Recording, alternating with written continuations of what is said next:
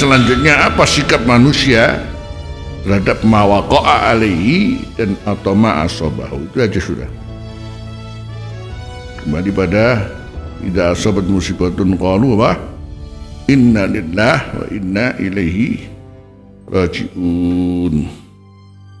Arti inna lillah berarti pasrah diri kepada Allah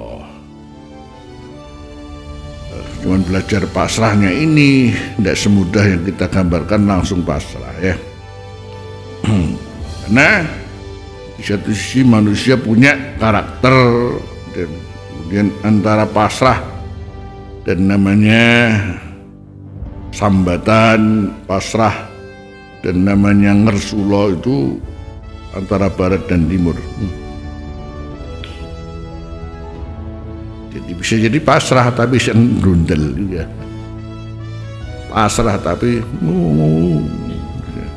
itu belum pasrah namanya. Pasrah tapi mesti ngomel loh ya di sini. Sementara kalau sudah kembali kepada Allah ya sudah tentu Allah akan memberikan sesuatu yang jauh lebih ketika namanya tidak diuji saja tidak ada apa-apa sudah diberi apa-apa tidak ada apa-apa diberi apa-apa. Kalau diuji kalau tidak mungkin akan diberi apa-apa lebih besar.